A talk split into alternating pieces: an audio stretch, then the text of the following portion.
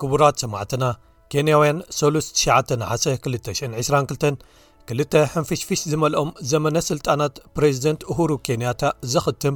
ንሓደ ኣገዳሲ ሓፈሻዊ ምርጫ ሃገሮም ከካይዱ ይሸባሸቡ ኣለዉ።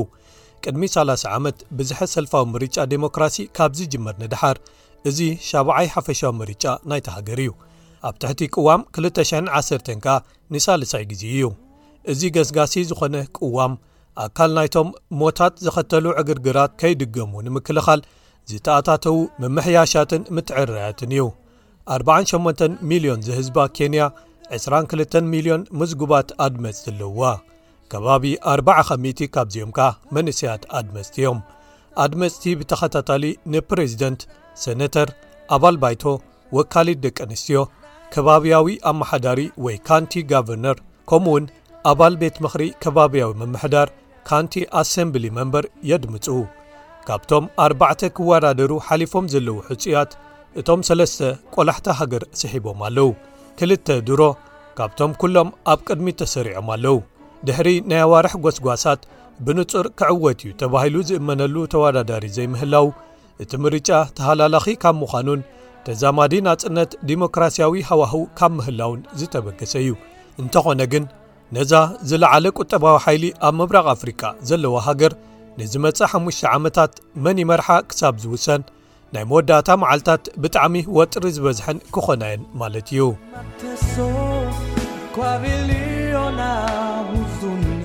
ሓደ ካብቶም ኣብ መሪሕነት ዝርከቡ ክልተ ሕጹያት ራይላ ኦዲንጋ እዩ ቀዳማይ ሚኒስተር ዝነበረን ንሓንቲ ካብተን ክልተ ጥምረት ተቓዋምቲ ሰልፍታት ዝመርሐን እዩ እዚ ወዲ ሰብዓን ሸውዓተን ዓመት ገዲም ፖለቲከኛ ንሓምሻይ ግዜ እዩ ኣብቲ ምርጫ ዝወዳደር ዘሎ ክልተ ግዜ ቅድሚ ሕጂ ኣብ ኣፈፈት ዓወት በጺሑ ነይሩ ውጽኢት ምርጫ ኬንያ 207 ኣዝዩ ኣካታዓይ ብምንባሩ ናብ መጠነ ሰፊሕ ዕግርግር ኣምሪሑ 10100 ሰባት ተቐቲሎም እዮም ራይላ ኦዲንጋ ወዱ ነቲ ድሕሪ ናጽነት ኬንያ ናይ ፈለማ ምክትል ፕሬዚደንት ዝነበረ ጃራሞጊ ኦጊንጋ ኦዲንጋ እዩ ካብ ነዊሕ እዋን ኣንጻር መንግስታዊ ዕብለላ ወይ ኣንቲ ኢስታብሊሽመንት ካንዲዴት ኮይኑ ዝቝጸር ኦዲንጋ፣ በቶም ክልተ ብሄራት ኪኩዩን ካለንጂንን ካብ 1963 ነጻነት ሃገር ኣትሒዞም ካብ ዓንኬል ስልጣን ተኣልዮም ዝጸንሑ ኮይኑ ዝስምዖም ካልኦት ብሄራት ምድንጋጽን ደገፍን ኣለዎ። ኣብዚ እዋን እዚ ግን ንሱ ባዕሉ ብመንግስትን ፕሬዚደንት ኡሁሩን ዝድገፍ ሕጹይ ወይ ኢስታብሊሽመንት ካንዲዴት እዩ። ፕሬዚደንት ኡሁሩ ኬንያታ ክልተ ግዜ ዕድመ ስልጣን ድሕሪ ምግልጋሉ ብቕዋም ደጊሙ ክወዳደር ዘይፍቀደሉ ክንሱ ሕጂ እውን ኣብቶም ምርጫታት ማእከላይ ቦታ ሒዙ ኣሎ ንሱ ነቲ ቀደም መቐናቕንቱ ዝነበረ ኣብዚ እዋን መሪሕ ሕፁይ ዘሎ ራይላ ኦዲንጋ እዩ ዝድግፍ ዘሎ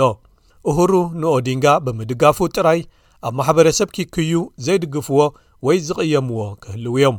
ኣብ ዝሓለፈ ምርጫ ኣንጻሩ ኣብ ዝተዋዳደረሉ እዚ ሕጂ ተዋዳዳሪ ዘሎ ዊልያም ሩቶ ክዕወት ሓጊዝዎ እዩ ሕጂ ግን እሁሩ ክሒድዎ ማለት እዩ ዝብሉ ኣለዉ ጽልዋታት ለበዳ ኮቪድን ብምኽንያት ወራር ሩስያ ኣብ ልዕሊ ዩክሬን ዝፈጠሮ ናህሪ ዋጋ መግብን ሓፈሻዊ ምኽባር ህይወትን ነቲ ቁጠባ ሃሲዎን ሽቕለተ ኣልቦነት ክልዕል ገይሩን እዚ ኣብዚ ምርጫ ወሳኒ ጉዳይ ብምዃኑ ኣብ ልዕሊ መሪሕነት እሁሩ ኬንያታ ፍርዲ ዝወሃበሉ ክኸውን ይኽእል እዩ ኪንኡ ኸኣ ኣብቲ ንሱ ዝድግፎ ዘሎ ራይላ ኦዲንጋ እውን ንገለ ደገፍቱ ወይ ኣድመጽቱ ካብኡ ክሃድሙ ክገብሮም ይኽእል እዩ ካልኦት ግን ሚስተር ኬንያታ ካብ ካልእ ዓሌት ንዝኾነ ኦዲንጋ ብምድጋፉ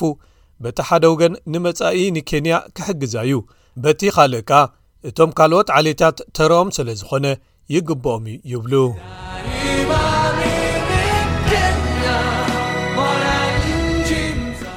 እቲ ካልእ ኣብ መሪሕነት ዝርከብ ሕፁ ተወዳዳሪ ወዲ 55 ዓመት ዊልያም ርቶ እዩ ንሱ ኣብዚ ሕጂ እዋን ምክትል ፕሬዚደንት ዘሎ ኮይኑ መራሒ ናይቲ ኣብ ትሕቲ ጽላል ኬንያ ክዋንዛ ዝተጠምረ ዝዓበየ ሰልፊ ዩናይትድ ዲሞክራቲክ ኣላያንስ እዩ ኣንጻር እቲ ቀጻልን ጽዑቕን ጎስጓስ ህልው መራሒ እሁሩ ኬንያታ ዊልያም ሩቶ ንዕኡ ክትከኦ ቆሪጹ ተላዒሉ ኣሎ ንሱ ኣብ ፖለቲካዊ ክትዓትን ውድድራትን ኬንያ ክሳብ ሕጂ ዘይነበረ ኣርእስቲ ንቕሓት ብዛዕባ መደባት ኣብ ሕብረተሰብ ተጣባቒ ኮይኑ ኣሎ ካብቲ ዝፍለጠሉ ዝነበረ ምስሊ ከም ተጻራሪ ናይዚ ሕጂ ዘሎ ህሉ ፖለቲካዊ ኩነታትን ተምሳል ተስፋ ድኻታትን ኰይኑ ብምቕያሩ፣ መልእኽትታቱ በቶም ዝተገለሉ ክፋላት ማሕበረሰብ ተቐባልነት ረኺቦም ኣለዉ። ዊልያም ሩቶ ሓደ ሓደ ግዜ ጥቕስታት መጽሓፍ ቅዱስ ይጥቀም፣ እንተዀነ ግን ኣብ ትሕቲ እቲ ክርስትያናዊ ዝመስል ምቕያር መኣዝን ሓደ ዝተካህነ ክኢላ ፖለቲካዊ ስትራተጂስት ኣሎ፣ ንሱ ነዚ ምርጫ ኣብ መንጎ'ቶም ከምኡ ዝኣመሰሉ ህርኩታት ወይ ላዕልን ታሕትን ኢሎም ዝነብሩን እቶም ወረስቲ ዓራት ወይ ዳይነስቲ ኢሉ ዝጽውዖም ካልኦትን ከም ዝኾነ ጌሩ ዘቕርቦ ዘሎ። እዚ ምቕያር ምስሊ ግን እንታይ ዓይነት ድምጺ ከውህቦ'ዩ ወይ እንታይ ዓይነት ዓወት ከመዝግበሉ'ዩ ገና ዝረኣ'ዩ።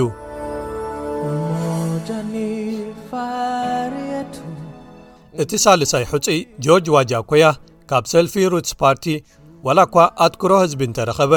ንሱን ደቪድ ማውረ ዋሂንጋ ካብ ኣጋኖ ፓርትን ካብቲ ማእከል ክትዕ ውፅእ ዝበሉ ወይ ኣብ ወሰን ዝርከቡ ህንጡያት ንፕሬዚደንት እዮም እዞም ክልተ ሕፁያት ዲሞክራሲያዊ ቦታታት ክሳብ ክንደይ ማዕቢሎም ኣብ ምፍታን ኣገዳሲ ተራ ይፃወቱ እቶም መብዛሕትኡ ግዜ ዘይተለምዱ ስነ ሓሳባቶምን እምነታቶምን ከኣ ንዲሞክራሲታት ካብቶም ልሙዳት ፖለቲካዊ ቴማታት ክወጹ ወይ ከዕርፉ ይሕግዝዎም ብዙሓት እቶም ቀንዲ ዛዕባታት መካትዕን ቴማታትን ካብ ዓሌታዊ ናብ መደባዊ ምቕያሮም ንኬንያ ሓጋዚ ጥራይ ዘይኮነ ጎነፃዊ ዕግርግራት ኣብ ምውጋድ ክሕግዛዩ ዝብል እምነት ኣለዎም እንተኾነ ግን ፖለቲካዊ መራሕቲ ባእስታትን ዕግርግራትን ዘለዓዕሉን ዘጓሃህሩን መደረታትን ዘረባታትን ክሳብ ዝገበሩ ሰላም ክርከብ ወይ ክሰፍን ኣጸጋሚ ክኸውን እዩ ኣብ ኬንያ ፖለቲከኛ ምዃን ብዓይኒ ፋይናንስ ወይ ገንዘብ ሰሓብ እዩ ንፖለቲከኛታት ዝኽፈሎም ደሞዝ ጥራይ ዘይኮነ ካልኦት ተወሰኽቲ ሓለፋታት ከም በዓል መኪና ገዛን ኣበላት መገሻን ቤት ጽሕፈታተን ንመዋእል ዝኸፈልዎ ኣበል ጥሮታን ብዙሕ ግዜ ክትሰግሮም ወይ ክትሓልፎም የሸግሩ ካልእ ረቛሕውን ኣሎ ተገዳስነት ኣብ ፖለቲካ ክፈጥር ዝኽእል ካብ ማእከላይ ወይ ሃገራዊ መንግስቲ ናብ ከባብያዊ ምምሕዳራት ወይ ካንቲስ ዝኸይድ ወይ ዝምደብ ገንዘብ ካብ 15 ካብ ሚቲ ጠቕላላ ኣታዊ ናይቲ ሃገር ናብ 35 ካብ ሚቲ ክብ ክብል ይኽእል እዩ ንገሊኦም ናብ ፖለቲካ ክኣትዉ እዚ እኹል ምኽንያት ክኸውን ይኽእል እዩ እቲ ገንዘብ ናብ ዝርከበሉ ምኻድን ንማሕበረሰብ ከገልግሉ ብምባልን እቲ ሓቂ ግን መብዛሕትኡ ግዜ ካብዚ ዝተፈልየ እዩ እቲ መስሕብ ናይቲ ተመሪጽካ ትረኽቦ ቤት ጽሕፈት ብወገኑ ኣብ መንጎቶም ሕጹያት ምንሕናሕ ወይ ውድድር ይፈጥር ገለ ተዋዳድርቲ ሕጹያት ተዓዊቶም ንነዊሕ ዝጸንሕሉ ውሑስ ወንበር ንምርካብ ኣብቶም መባእታዊ ምርጫታት ዓብለልቲ ሰልፍታት ወይ ጥምረት ሰልፍታት ልዕሊ ካልኦት ገንዘብ ከውጽኡ ፈቓደኛታት እዮም እዚ ንዲሞክራሲ ሕመቕ እዩ እዚ ዕዳጋዊ ባህሪ ፖለቲካ ኣብ መንጎ ዝተመርጹ ሰበስልጣንን ዝውክልዎ ከባብን ህዝብን ዝህሉ ናይ ክትዕን ዘተን ዕድላት ይቕንሶ።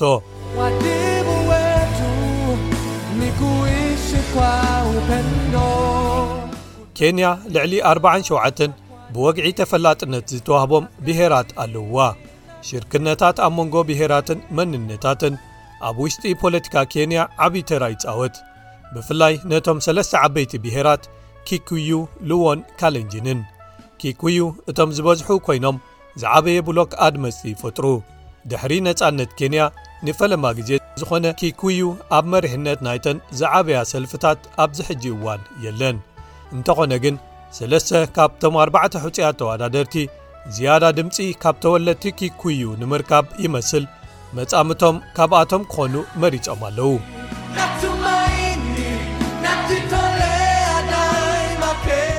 እቲ ካልእ ኣገዳሲ ሕቶ ኣብ ምርጫ ኬንያ ዝኾነ ብቕዓት ናይቲ ነቲ ምርጫ ዘካይድ ነፃ ሃገራዊ ትካል እዩ ዘይከምቶም ዘይንቡራት ውፅኢታት ምቝፃር ድምፂ ነይሮሞም ተባሂሎም ዝንቀፉ ዝሓለፉ ክልተ ምርጫታት ነፃ ኮሚሽን ምርጫን ወሰናስንን ኬንያ ወይ iebc ንከምዚ ናይ ሎሚ ዓመት ዓይነት ኣዝዩ ተቐራራቢ ዝኾነ ምርጫ ከካይድ ብቕዓትን ስምን ኣለዎ ድዩ ዝብሉ ሕቶታት ይለዓሉ ኣለዉ እምነት ኣብ መንግስትን ትካላቱን ብሓፈሻ ኣብ ልዕሊ እዚ ኮሚሽን ከኣ ብፍላይ ኣብ መንሰያት ታሕቲ ብምውራዱ ካብ ፖለቲካዊ ተሳትፎታትን ንጥፈታትን ክእለዩ ተራ ተጻዊት እዩ ዝብሉ ኣለዉ ብፍላይ ድሕሪቶም ንዝሓለፉ ክልተ ምርጫታት ተኸቲሎም ዝተፈጥሩ ዕግርግራት ዝተኣመሙ ምትዕርራያትን ምምሕያሻትን ክሳብ ሕጂ ሙሉእ ብምሉእ ኣብ ተግባር ብዘይምውዓሎም ኣብ ምስግጋር ስልጣን ሕቶታት ክለዓሉ ገይሮም ኣለዉ ኣብ ዝሓለፉ ምርጫታት ኣበርክቶ ፖሊስ ኣብ መቕተልቲ ብዙሓት ኣድመኛታትን ተጣበቕትን ልዑል ከም ዝነበረ ድሒሮም ዝተኻየዱ መርመራታት ኣመልኪቶም እዮም እንተኾነ ግን ብዙሓት እቶም ብገበን ክሕተቱ ዝግብኦም ኣባላት ፖሊስ ነፃዮም ዘለዉ ዓመፅ ፖሊስ ኣብ ምግታእ ዝኾነ ስጉምቲ ስለ ዘይተወስደ ደጊሙ ክፍፀም ዘለዎ ተኽእሎ ዓብዩ ይብሉ ማሕበራት ተጣበቕቲ መሰላት ወናኒ ፌስቡክ ዝዀነ ኩባንያ ሜታ ንምርጫ ኬንያ ፍሉይ ምድላዋት ብምግባር ማእከል ስርሒት ምርጫታት ኬንያ ዝብል ተበግሶ ብምውሳድ ሰባት መዲቡ ንማሕበረሰብ ጐዳኢ ዝዀነ ነገራትን ትሕዝቶታትን ጌጋ ሓበሬታ ሓሶትን ከምኡ'ውን ጸርፍታትን ምፍርራሓትን ኣብ ምውጋድ ይሰርሕ ከም ዘሎ ሓቢሩ'ሎ። ዝዀነ ፖለቲካዊ ምውዕዋዕ ግሉጽነት ክህልዎ ብምግባርን ኣብ ልዕሊ ደቂ ኣንስትዮ ሕጹያት ተዋዳድርቲ ዝፍኖ ጸርፍታትን መጥቃዕትታትን የወግድን ይኣልን ከም ዘሎ ኣመልኪቱ ኣሎ እንተኾነ ግን ኣብዚ ካብቲ ካልእ እዋን ንላዕሊ ዝበዝሓ ደቂ ኣንስትዮ ዝወዳደራሉ ምርጫ ደቂ ኣንስትዮ ፖለቲከኛታት ካብ ጾታዊ ዓመፅ ክሳብ መቕተልቲ ዝበፅሕ ምፍርራሓት ከም ዘጋጠመን ኣመልኪተን እየን ፌስቡክ ከኣ ገና ነቶም ጸርፍታትን ምፍርራሓትን ቀዲምካ ኣብ ምልላይን ኣብ ምእላይን ኣየድመዐን ጥራይ ዘይኮነ ገና ብዙሕ ይተርፎ ኣሎ ክብሉ ይኸስዎ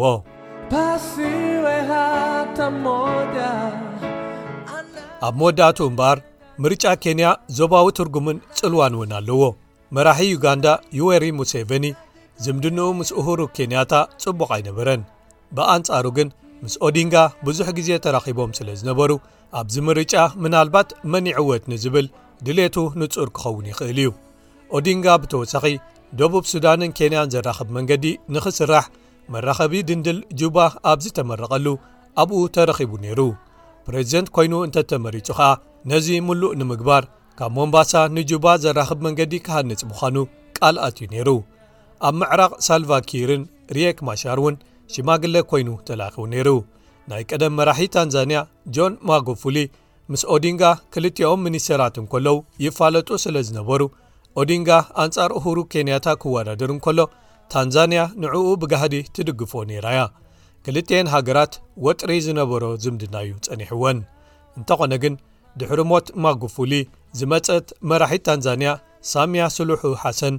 ዝምድናኦም ናብ ንቡር መሊሳቶ እያ። ኣብዚ ናይ ሕጂ ምርጫ ከኣ ታንዛንያ ምስ ሩዋንዳን ቡሩንድን ናብ ሓደ ሕጹይ ዝዘንበለ ድጋፍ ኣየርኣያን ዘለዋ። ታንዛንያውያን ግን ሓደ ካብቶም ተዋዳደርቲ ሕጹያት ጂዮርጅ ዋጃኮያ ዝኣትዎም ዘሎ ፍሉያትን ስጊንጢራትን ዝኾኑ መብጽዓታትን ዘካይዶም ዘሎ ጎስጓሳትን የዘናግዖም ከምዘሎ ይገልጹ ኣለዉ። ኲናት ትግራይ ኣብ ምፍታሕ ኬንያ ነቶም ዲፕሎማስያዊ ርክባት ኣብ መንጎ ህወሓትን መንግስቲ ኢትዮጵያን ብምክያድ ዓብዪ ተራ ተፃዊታ እያ ኣሜሪካ ድሕሪ ምርጫ ኬንያ እቲ ወግዓዊ ዝርርብ ሰላም ክጅመር ድሌት ከም ዘለዋ ገሊጻ ኣላ እንተኾነ ግን ቀዳማይ ሚኒስተር ኣብዪ ኣሕመድ እቲ ዝርርብ ብሕብረት ኣፍሪቃ ክሽምገል ክደሊ እንከሎ ህወሓት ግን ፕሬዚደንት እሁሩ ኬንያታ ክመርሑ እዩ ዝመርፅ ኣብ ምርጫ ኬንያ ዝተዓወተ መራሒ ነዚ ክቕጽሎ ድይኮነን